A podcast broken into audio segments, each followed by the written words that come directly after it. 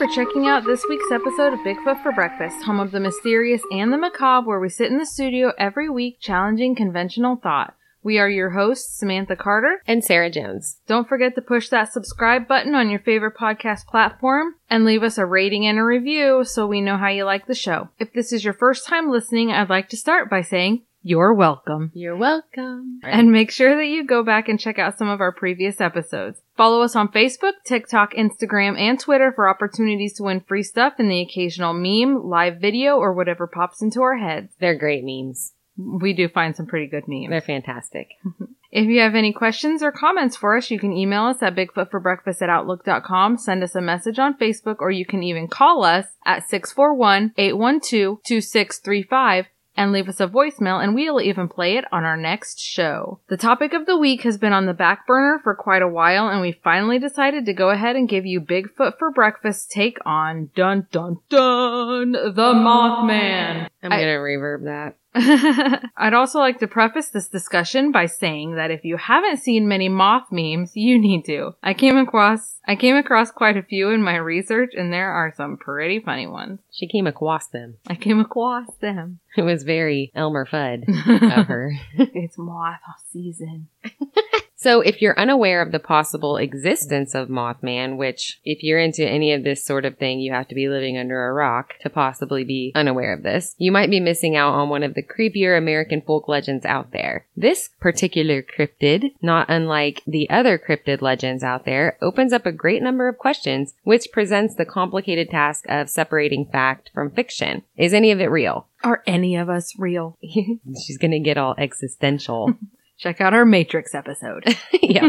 You'll have to decide what to believe for yourself. We also want to take a few minutes to let you in on some recommendations that we have for some other shows. We know a few that may pique your interest. The Question Everything guys, Semperfi Rob, Sean, and the Mick host a show where they pick a different topic every week that usually seems to coincide with issues that we seem to be facing at the time as American people, and they discuss it. They usually do a Facebook Live every Saturday, and then they'll post the edited version to the podcast platforms a few days later. They also take call-ins from guests who have anything to say regarding the topic that week. So if you can relate in some way or have an opinion, get on their Facebook Live and give them a call and chat them up for a while.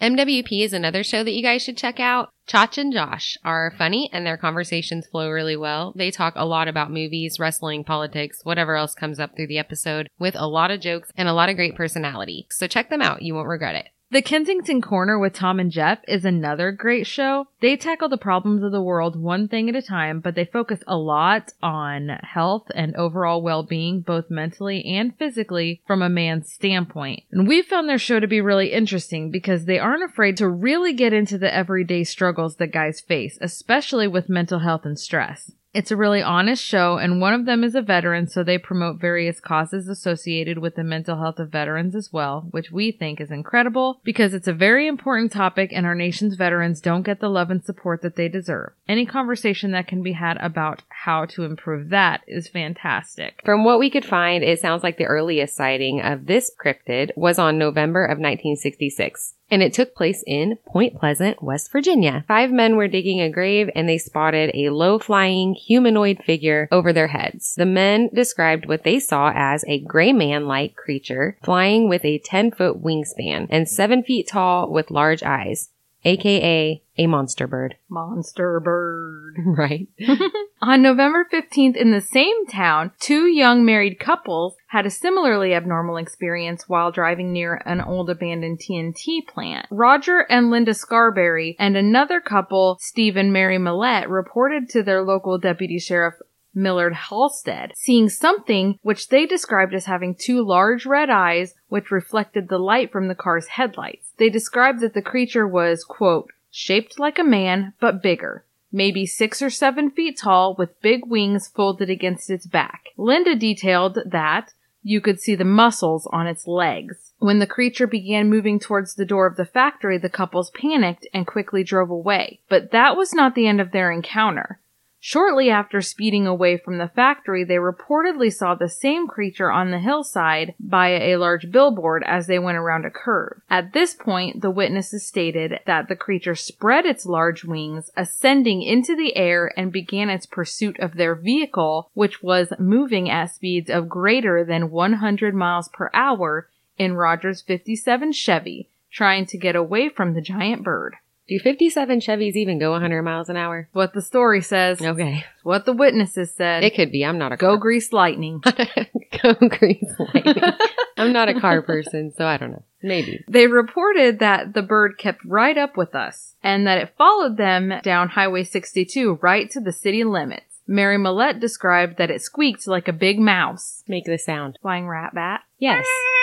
Why didn't they call it that? Where? Why did they go to Mothman? Oh, we'll get sounds- into the name thing later. Okay. There's No. a reason. You'll enjoy that. Every description that I've seen, it sounds nothing like a moth. The creature disappeared into a field as the vehicle made it to town. They reported seeing the body of a large dog lying on the side of the road near the conclusion of their high speed chase. But as they looked for it again on the way back out of town, the dog was gone. Perhaps their pursuer settled for a less lively sneaky snack. Mm-hmm. Date night was definitely way more eventful than these two couples had ever anticipated. However, they were not the only group to witness the bird-like creature in that town on that night. Another group of four citizens claimed three different sightings of the creature that night. At about 10:30 on the same night, later that day. Sorry. One could surmise. you and your surmising. A local building contractor named Newell Partridge was watching television when out of nowhere, the screen went dark and then a weird pattern filled the screen. Sounds rather extraterrestrial, doesn't it? Sometimes. Suddenly,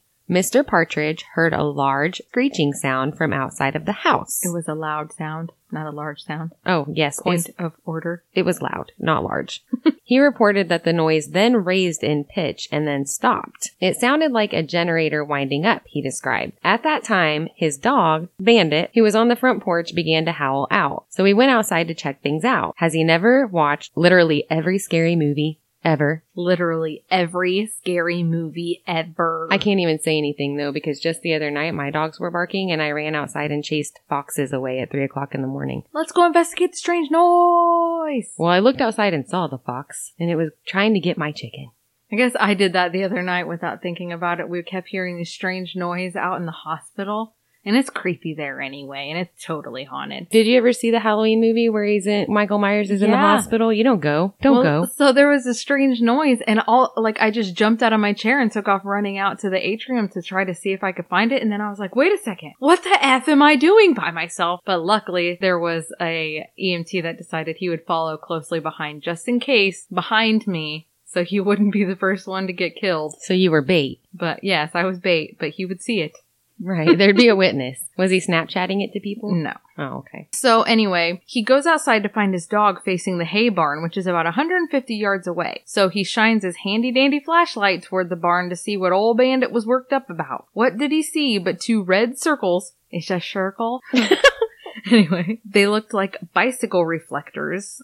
Or perhaps they were freaking winged demon eyes. Clearly, the eyes did not belong to any animal that he knew of, but being the experienced hunting dog that he was, Bandit, who was very protective of his territory, as most dogs are, took off across the yard in attack mode towards the red glowing eyes. His owner called for him to stop, but he didn't. So, Partridge ran back to the house to grab a gun, but was too scared to go back outside. And I don't blame him one bit. Mm-mm. I probably wouldn't have gone out to investigate in the first place. That's a lie. I definitely would have. I think I would have if I had a gun because I'd want my dog back, man. So, despite the terrifying ordeal and the missing dog, he went to bed with his gun propped up beside him, as any reasonable person would, only to wake the next morning to find that Bandit was still gone. No. Bandit was still missing two days after the incident when Partridge read about the Scarberry Millette sighting in the paper. The detail, which was most upsetting to him in the article, was the reported sighting of the dead dog on the highway. Which of course made him think of his poor bandit. As it happens, poor bandit was never seen again. I think I would have went and got my dog and then like Forrest Gumped it back to the house as fast as I could and that would have been the end of it. But if your dog's like in angry attack mode, are you gonna pick it up and carry it? Yeah, because I did once when it was getting a raccoon. Johnny Utah's not that vicious.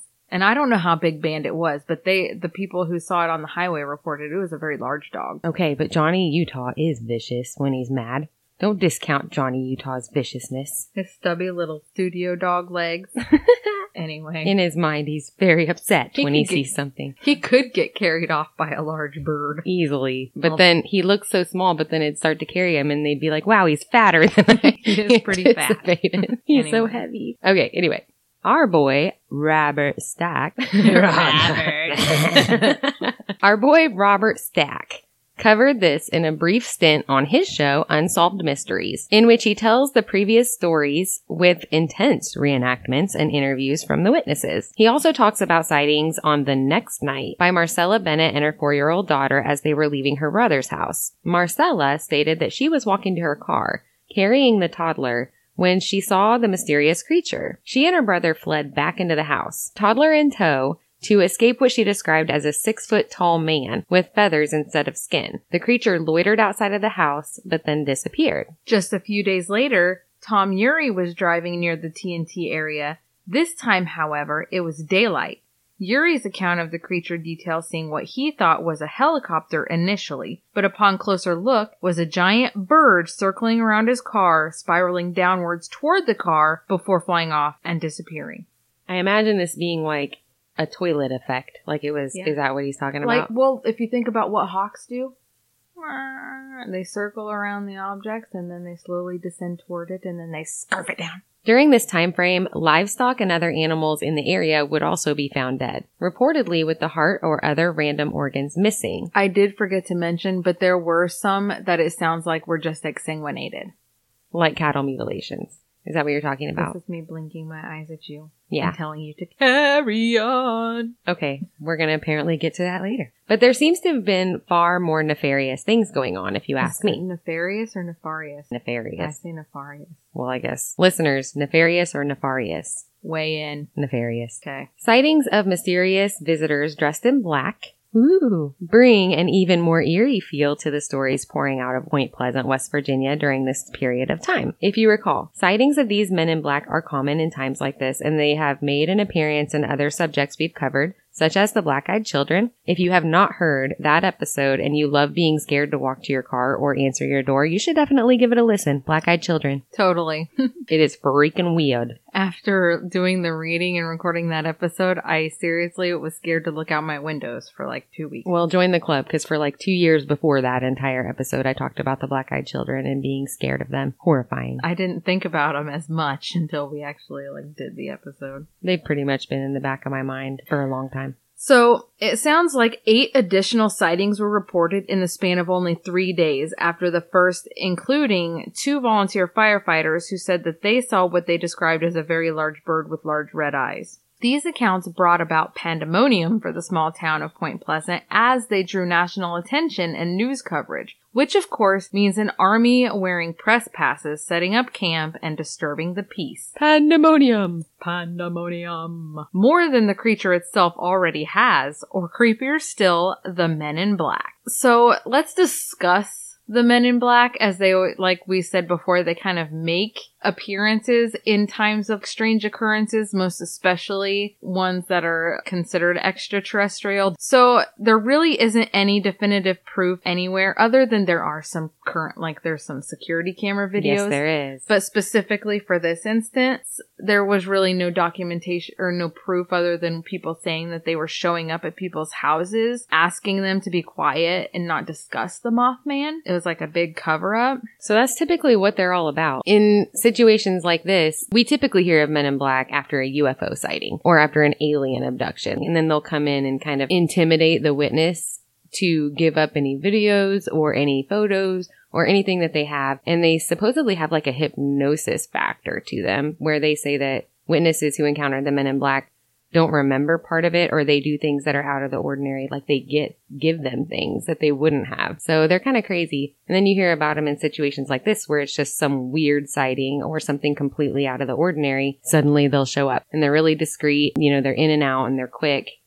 there are, like Sam said, some video recordings, like some CCTV cameras. There's some business cameras that see them walking up to desks and talking to people behind the counter. And, they look weird. they look, they're tall and wear sunglasses and they're pale and kind of that description. I'm getting way off subject. We should honestly just do an episode on the Men in Mhm. Black. They're really cool. So they may not have entirely kept this secret in West Virginia, but they definitely prevented any conclusive evidence, if there was any, of the Mothman from leaking out into the public. So they supposedly showed up in West Virginia and they kind of stopped at people's houses and they were just basically asking them to be quiet about the Mothman and not say anything about their sightings. But I have to ask you, when I was reading through your writing here, I went through and tried to find actual stories of the men in black visiting, you know, witness accounts of it. I could not find any. There, there are no actual witness account stories, but then there are lots of articles stating that they were there. Yeah. So I don't know. It's just really hard to figure out because did you find anything? No, and that's why it's kind of hard to determine whether it's a real thing or not. Or if it's just like a rumor that started, but like if that's something that came with the retelling of the stories later, or if it was actually occurring with the reports of the stories at the time. you Yeah. know? If it was just added on later to As an embellishment. Mhm, exactly. that begs the question Was the Mothman a government experiment that they were trying to cover up, or was it something extraterrestrial? We don't know. It's hard to say. But several people have claimed experiences that are eerily similar to that, like we talked about, Eerily similar to what? The Men in Black? to them showing up after incidents like oh, this. people that are not involved in the Mothman. Yeah, in general. Yeah, I gotcha. Okay. So yeah, the Men in Black are pretty widespread stories. So it's so common a detail. And you, you know, obviously, like we said, we don't know whether it's an embellishment that the crazy conspiracy people like us throw in there. Obviously, we don't make stuff up. We just tell what we find. But like, you know, some people do.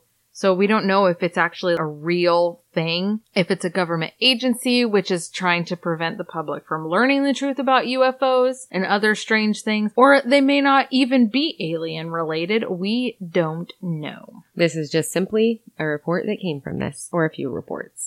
We- oh, so there was sightings in Muscatine and Des Moines. Mm. Interesting. Yeah, the Des Moines Register in 2016 and WHO News actually covered a story where people were reporting that men in black in trench coats were standing along the highway. Some people said that they were just standing there being weird, looking creepy, and other people said that they were stepping out into the roadway trying to stop cars as they drove by. Or they were teenagers. Or they were pranking. You know, I mean, who knows? Anyway, back to the Mothman. Back to the Mothman. There are alternative theories, obviously, which offer a less supernatural and less fun explanation for the sightings.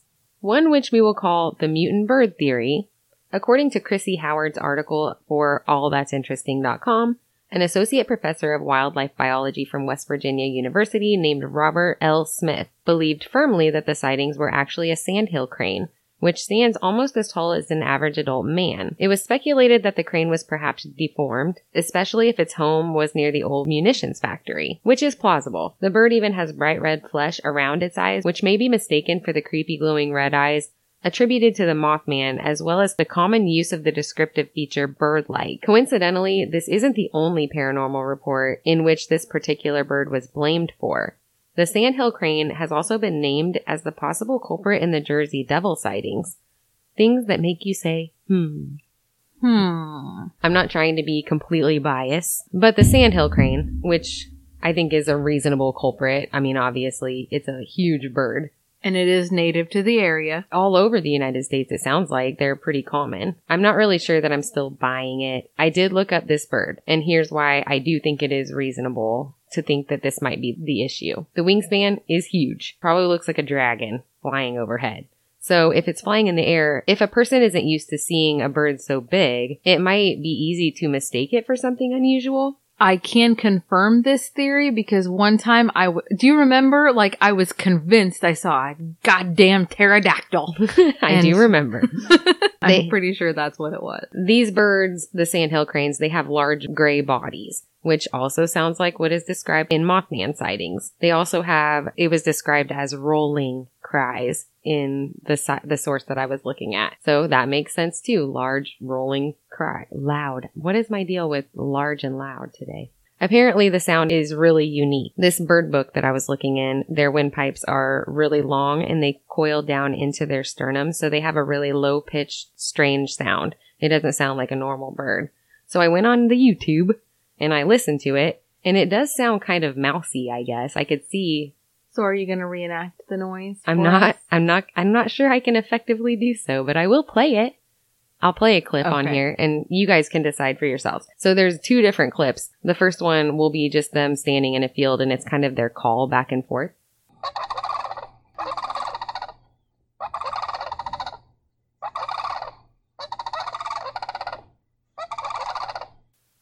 The second one that I'll play is a more drawn out sound of them in flight, like the sound that they make when they're trying to circle a prey.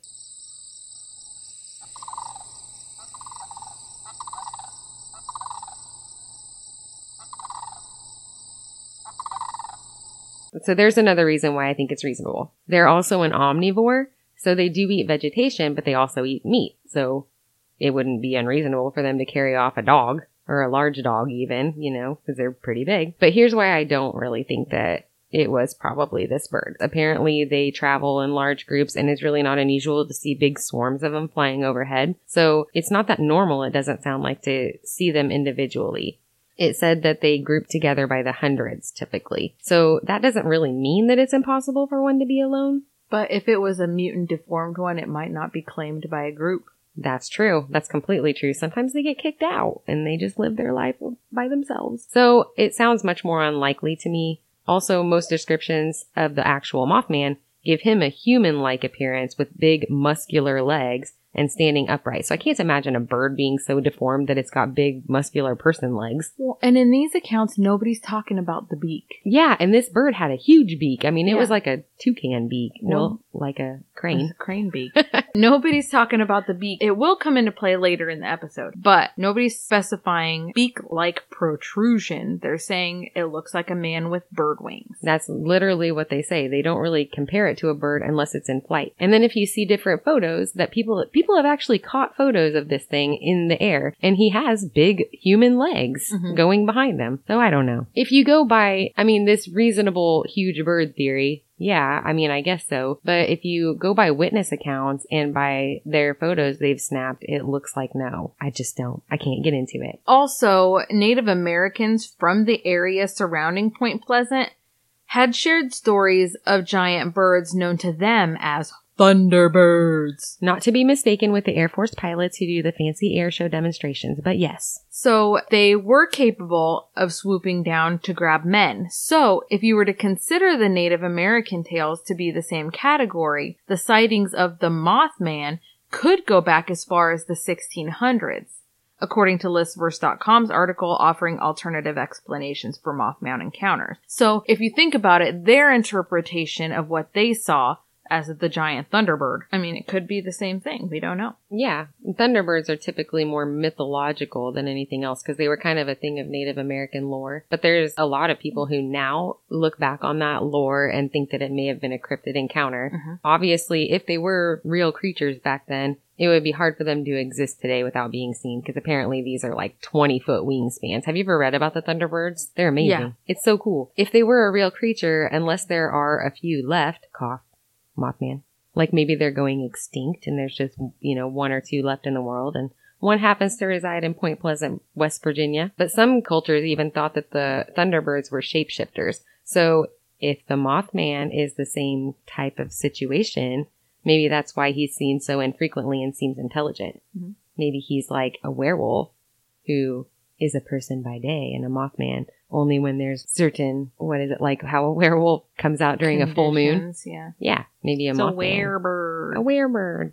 So anyway, Just a thought. On December 15th, 1967, the Silver Bridge, which connected Point Pleasant, West Virginia and Gallipolis, Ohio, suddenly and without warning collapsed and disappeared into the Ohio River. Unfortunately, this disaster occurred during rush hour and resulted in the deaths of 46 people. To add to the chaos, witnesses claim that the Mothman was spotted near the bridge just before it fell. Is it possible that the creature caused the bridge to collapse? That's one theory. It would be a good way to scavenge some nom noms. Maybe the Mothman's presence at the collapse of the bridge was purely coincidental. But then again, do we actually believe in coincidence? No, we do not. We do not here at Bigfoot for Breakfast believe that coincidence is a thing. No. This does seem to have given the poor guy a bad rap. It kind of makes me feel sorry for him. I read a bunch of stories that referred to him as the harbinger of doom.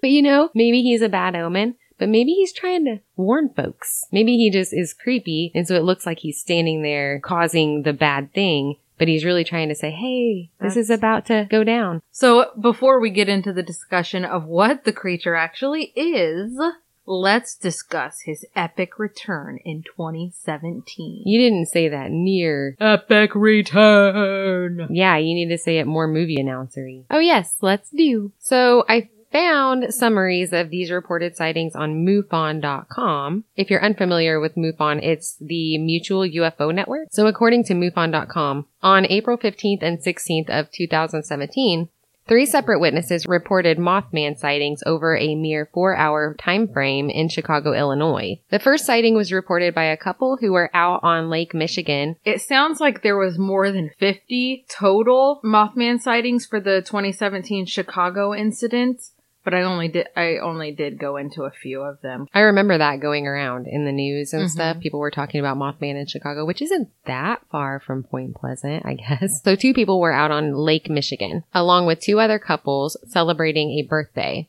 This is what the witness reported. Quote, We were about two miles out on the lake, just off of Montrose at about 10 p.m. We were enjoying ourselves when I happened to look up and saw what looked like a giant bat, and not like a fox bat, which I looked up and saw was the biggest bat. This bat was as tall as my husband, who is six foot four inches, or even bigger. It was solid black with eyes that seemed to reflect the moonlight. This bat was blacker than the surrounding night sky and was perfectly silhouetted against the moonlit sky. This supposed bat circled the boat three times in complete silence before heading off toward Montrose. It quickly blended into the night sky and was gone in seconds. Not long after seeing this strange bat creature, the witness also reported having seen a bright green object traveling north to south along the horizon, describing it as follows. It was not a plane, as it was brilliant green and was moving slowly across the horizon. If I had to estimate, it was about two miles from our position. After the object was out of sight, we sat there looking around in stunned silence. I began to feel this overwhelming sensation of dread and told my husband that I felt that it was prudent that we get off the water as quickly as possible. I tried to get a picture of the thing as it circled our boat, but all I got was black. The second reported sighting that night occurred not 30 minutes later.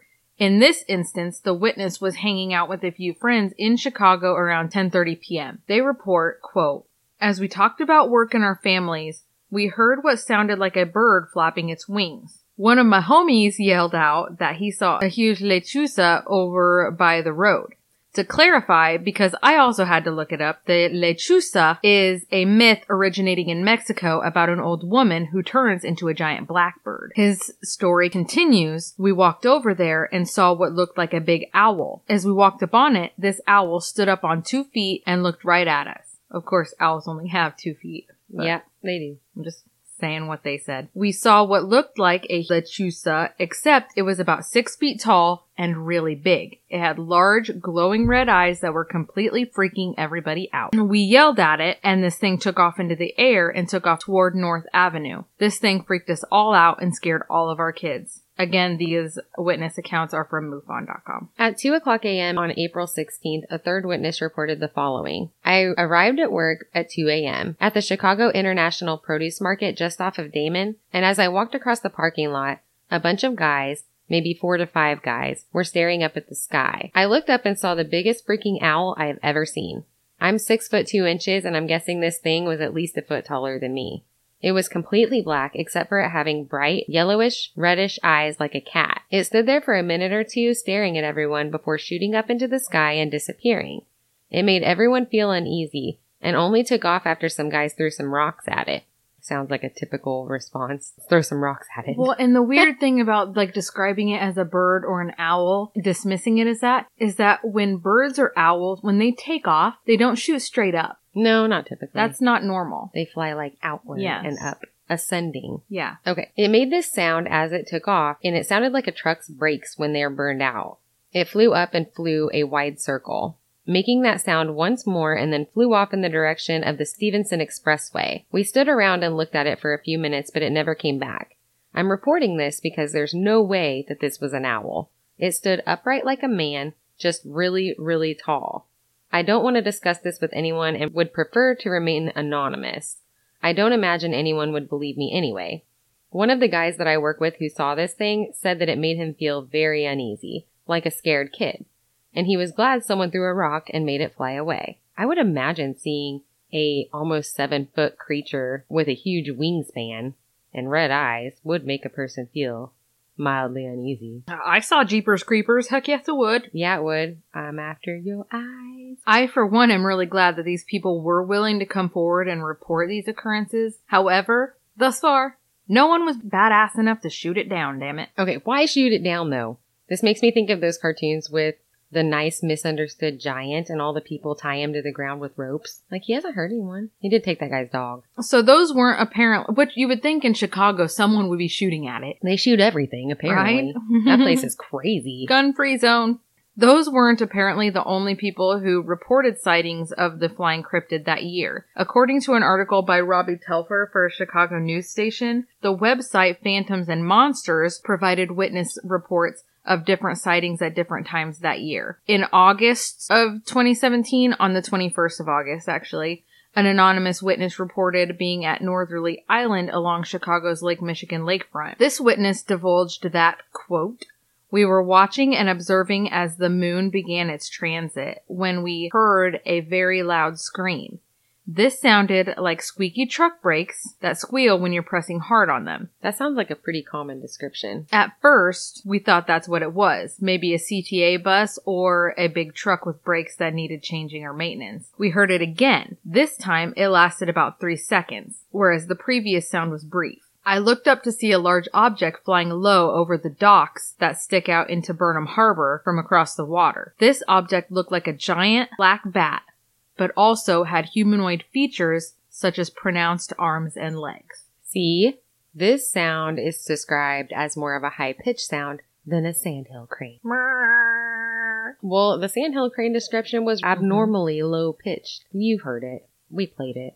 You know. It doesn't sound like brakes. Anywho, a man known as Jeff chronicled his sighting on October 26, 2017 to the Chicago Reader.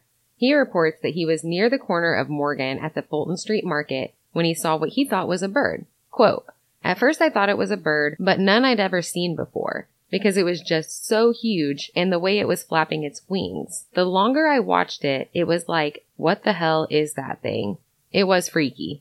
End quote. Although there are a few interesting tales circulated by alleged witnesses of the Mothman, there aren't enough to be terribly convincing, nor are the ones that are out there detailed or documented with any form of conclusive evidence, which leaves the investigation into this cryptid, like most cryptids, ongoing and unresolved. Does that mean that we here at Bigfoot for Breakfast give up the hope for answers?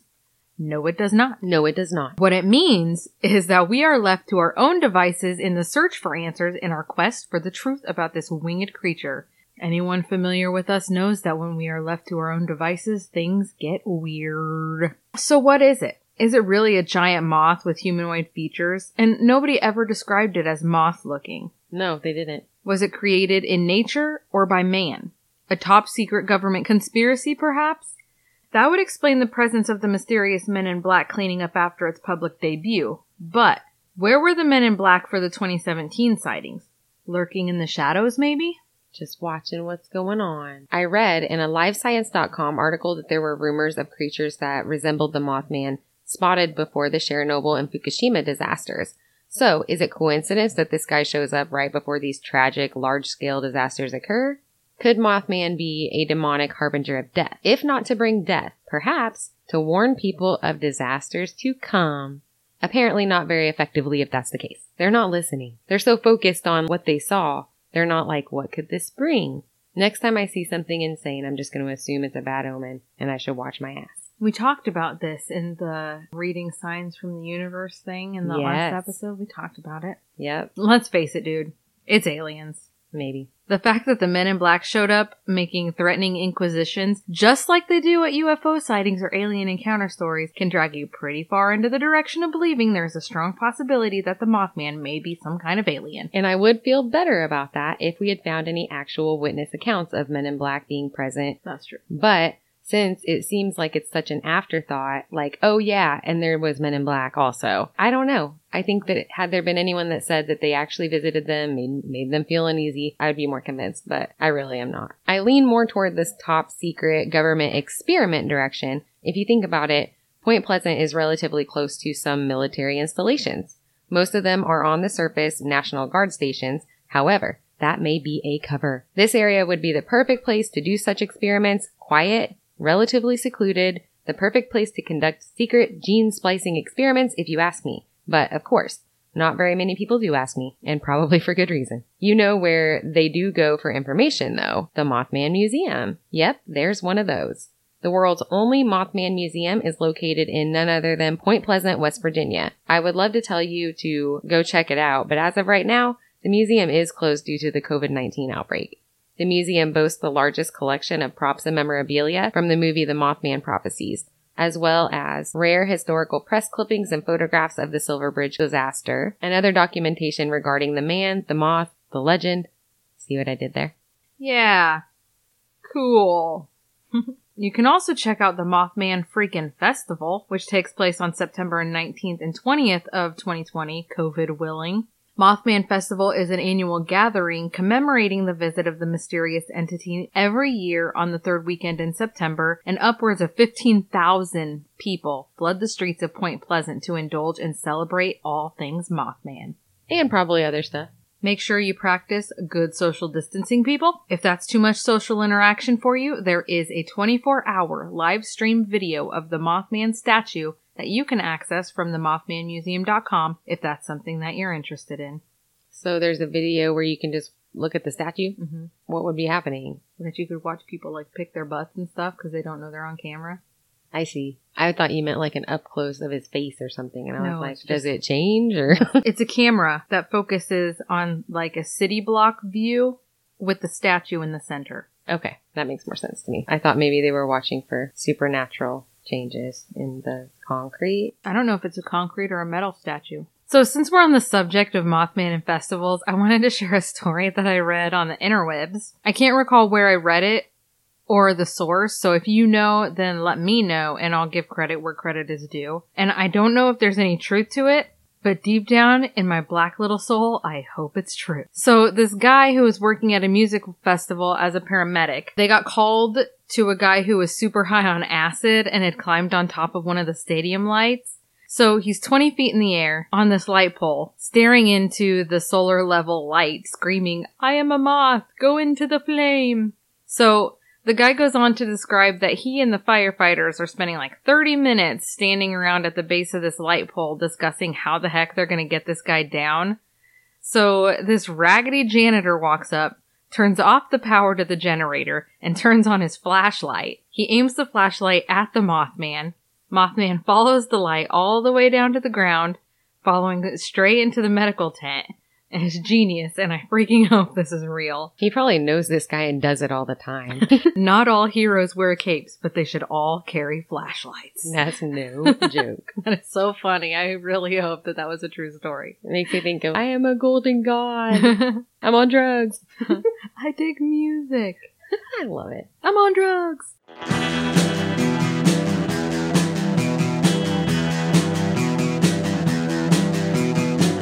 You're listening to the Prescribed Films Podcast Network, home to hundreds of hours of free podcast entertainment.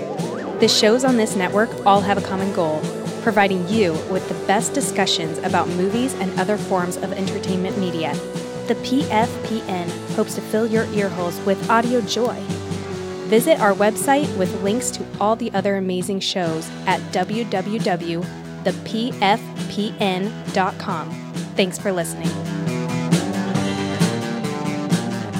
Okay, so also on the subject of festivals, there's another cryptid with a festival and its home base is right here in our home state, in Dallas County along the Raccoon River with estimated population of slightly less than 2,000 residents. Van Meter, Iowa, was established in the year 1869. On September 29th of 1903, the otherwise uneventful small town was rocked by a rather peculiar tale told by a local tool dealer by the name of U.G. Griffith. According to an article by Brent Swancer for MysteriousUniverse.org, it was a little after midnight and he was on his way home from a long day of work when he noticed what appeared to be a spotlight emanating from the top of a building nearby. Being familiar with the area and its surroundings, he knew that this was not normal. So instead of going home, he drove on toward the peculiar light shining in the distance. As he got closer, the light suddenly jumped across the street to another rooftop, as if its source had flown through the air, and then it jumped again, disappearing into the night, leaving Mr. Griffith dumbfounded. He shared his story the next day, and because he was a well respected member of the community, his story was not dismissed as nonsense. Even if his story had been dismissed, he would have been vindicated by other accounts which occurred that very night, as Dr. Alcott proclaimed to have had a similar but much more dramatic experience. He was awoken by a bright beam of light that was shining right in his face. The light poured into his room from a nearby window. Startled awake, he jumped out of bed and ran outside to investigate, grabbing his gun on the way out in case it was trespassers. Rather than some whippersnapper hooligans pranking him, his eyes met a tall, humanoid form attached to bat-like wings. Also, a single horn atop its head, which apparently is where the blinding light was coming from. Weird. Totally weird. So, old Doc Alcott, he fired off five rounds at the creature which didn't really seem to phase it in the slightest. It just stood there, lurking in the darkness. The doctor managed to make it back into the house, locking the doors behind him. When he looked out the window, the creature was gone. Again, as a well-respected member of the community, his story was received by those with whom he shared it, with little doubt as to whether it was truthful. So, between the doctor and the tool dealer peddling their tales of strange lights and winged beasts, the rumors of a supernatural or otherworldly being prowling about the area began to spread, and the incredible nature of the tales would only continue to grow. The following morning, October 1st, the manager of the bank, Clarence Dunn, walked into the bank to check up on things thinking that the recent strange sightings may have been robbers. When he arrived at the bank at approximately 1 a.m., he settled in with a shotgun that he brought just in case. So there he sat, waiting for something strange to happen, and he would not be disappointed. He heard a strange sound coming from the outside, which he thought sounded like a person gasping for air or being strangled. Suddenly, a beam of light sliced through the darkness, and he could see that it was coming from a shadowy figure that was creeping outside. Do the creep. Ah. Right? Without a thought, he fired his weapon at the beast, which once again disappeared into the night. He was certain that he'd hit it but when he searched the area, he found no evidence of it. There was no blood or anything. He did, however, find some strange looking footprints. From what he described, the prints had only three toes, and it's said that they made some plaster casts of the footprints, but the current whereabouts of these casts are unknown. Man, wouldn't that be cool to see? I wonder if the Mothman, just like from one of his scared people that were running from him, if one of them maybe dropped a headlamp and he thought, well, I'll use that. I got this. That is possible. That's what I The imagine. Mothman just put on a headlamp. Yep. what about the unicorn? Well, I mean, I don't know. It's dark out. A candle headlamp? I don't Or know. maybe he just stuck the flashlight where he needed it, I guess. I don't. I'm gonna put this here. it means hello in Mothman. hey, hey, hey, girl, hey. Hey, well, in um, what movie was it? Uh, Independence Day. They were using lights to signal, you know, their friendly welcome message to the aliens.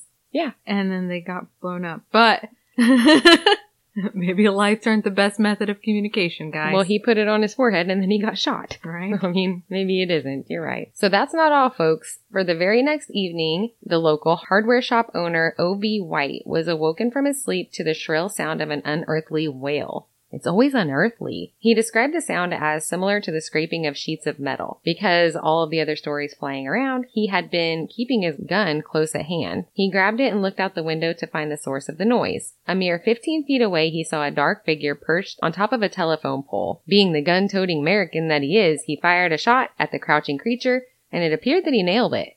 Instead of plummeting off the pole, though, the beast snapped its head in his direction. Ooh, that would be horrible. right? Stop ah. looking at me, Swan. So it turned and looked at him as if it was annoyed by his attempt. The air around Mr. White was swiftly poisoned with a horrific stench. He has a nervous tummy. He got nervous. It scared him and he pooped. oh my goodness. it was so potent that he became dizzy and gradually lost consciousness. This kind of reminds me of like, did you ever watch Brad do the gargoyle pose on the chair? When he jumps up on the chair and he's squatting and then he farts. No, but from now on, I'm going to make him do it and we're putting it on Facebook. you don't want him to do it. I've never seen this out of Brad. the smell that follows is horrific. He's Mothmanning. Yep, he is. Okay, so anybody who puts up a photo of them Mothmanning on our Facebook site gets an entry into our free contest in which they win a cup or a t-shirt. So it's like the owling challenge, Yep. except it's Mothmanning. So or give us- actually it would be Van Meter visiting, but that doesn't have the same ring to it. Do anything that is similar to you doing an impression of the Van Meter visitor or Mothman And you have to have a blanket for wings. or a towel, whatever. Something. Do what you gotta do. You can improvise. Make but this happen. we already have a contest going on and we haven't told you about that yet in this episode. We usually put that in the beginning. So if you share our podcast on anything, Twitter, Instagram, TikTok, or Facebook, then you get an entry into the contest. The more times you share it, the more entries you get. Also now we're going to add to it. If you do a Mothmanning pose, you are also entered into the contest. So put one of those on our Facebook page and we'll see who wins it. I love it. I love it too. Clear the stinchy air here. Yep. So the brouhaha of Mr. White's incident woke the store's co-owner Sidney Gregg, who also came out to inspect the strange goings on. To his horror, he also came to find the crouching creature atop the telephone pole. But to make matters more terrifying, the bat creature was using a large parrot-like beak to climb down the pole. Hmm. So now there's a beak. For real. Hellbird. its feet met the ground, its legs described by Gregg as resembling those of a kangaroo, and it stood to a towering eight feet in height, forehead discharging a powerful beam of light. Headlamp. The creature appeared to look around, checking its surroundings before bounding forward and bursting into the air with the flapping of its giant bat-like wings. So, did he smell the stank when he came outside? Because it didn't mention it in his story. I wonder if it dissipated that quickly, or if he just didn't notice it, or he didn't know the smell was related. Wait a second. Hold on. What?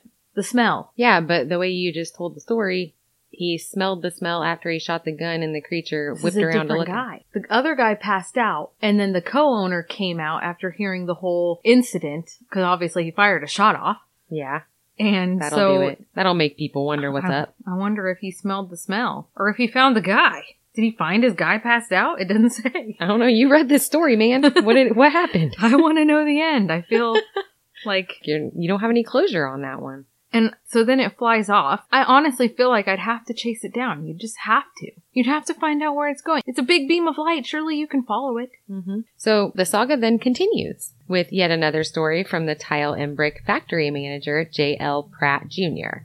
Once again, it was around 1 a.m. on October 3rd when Platt heard some strange noises from a nearby abandoned coal mine. He was quoted as describing the sound as follows. Quote, like Satan and a regiment of imps were coming forth for a battle. Dang. So naturally, he went to investigate the strange noise, as they all do, as most of us would.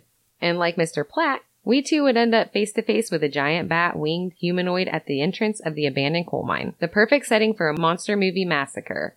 Can't beat that. See you in Valhalla. it's a duel. Skull. Only this time the creature isn't alone. It's accompanied by what appears to be a smaller member of the same unknown species, both of which beamed light from their horny heads. Don't say that. Horned heads? Horned. Horned heads. Mm, horned heads. There you go. Team Monster Mash once again disappeared, flying off into the darkness. After this sighting, the rumors spread like wildfire. Like and- wildfire. and the abandoned mines were now the presumed lair of the now multiple monstrosities that had been repeatedly spotted lurking about the town. If you think about it, the deep tunnels and caverns of a coal mine would be the perfect refuge for something or someone who wanted to stay hidden. But apparently, they didn't do a very good job because he wondered what was going on out there and he kept lurking around, Well, I got this flashlight. I gotta use it. right? So naturally, the small town people did what people do and assembled a posse to set up base at the entrance of the mine and wait for the beasts to return. With them, an arsenal of weapons. We got that pitchfork and torch mentality going on here. Which, got- yeah, This is Iowa. We got some boomsticks. We have, it's Iowa. we got this.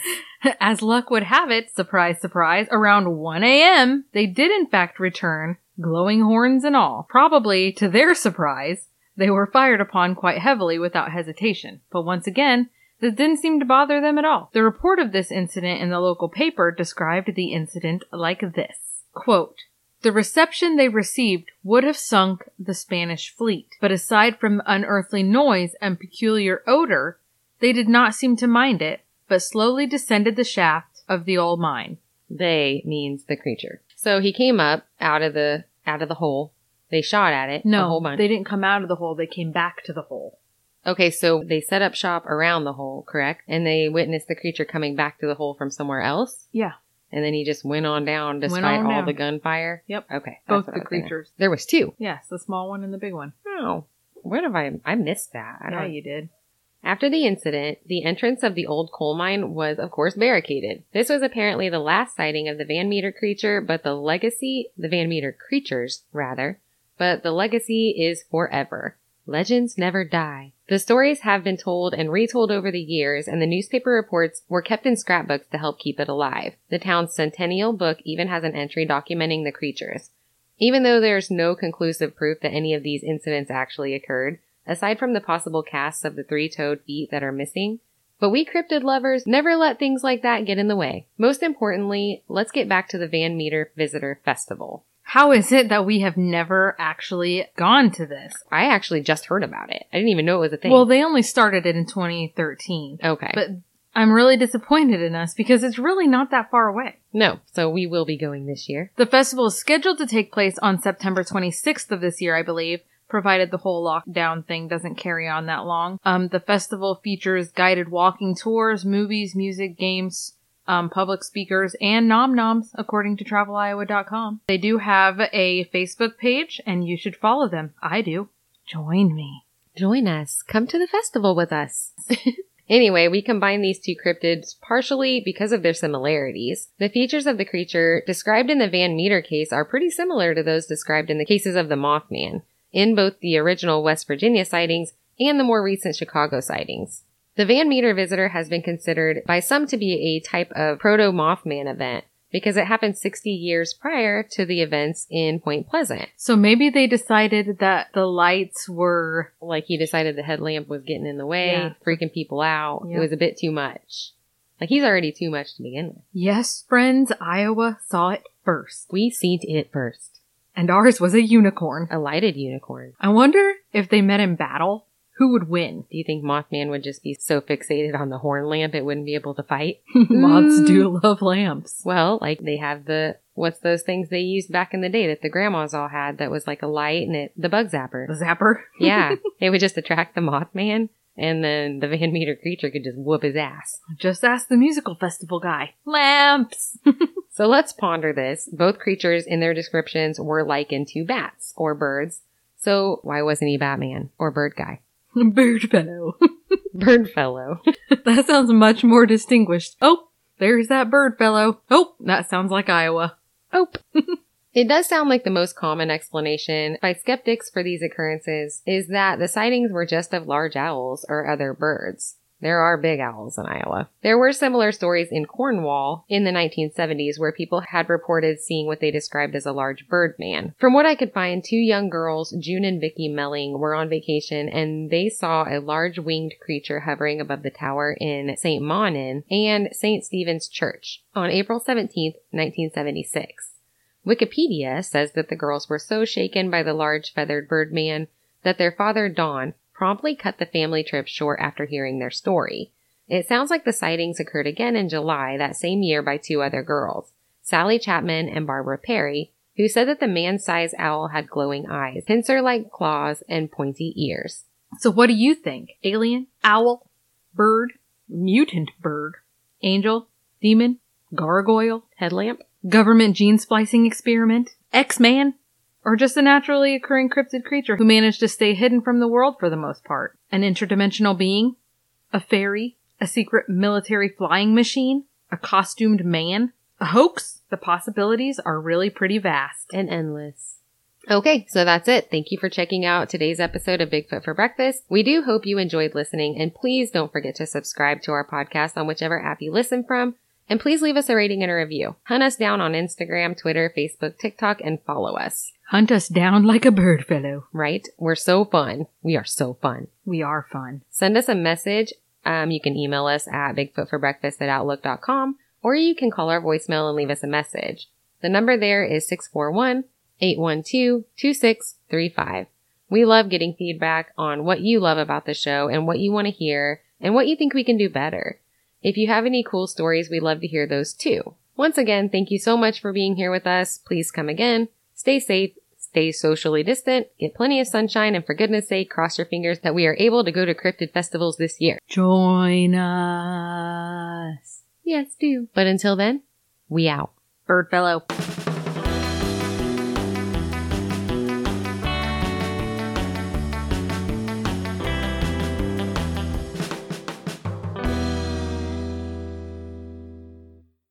at me, bro.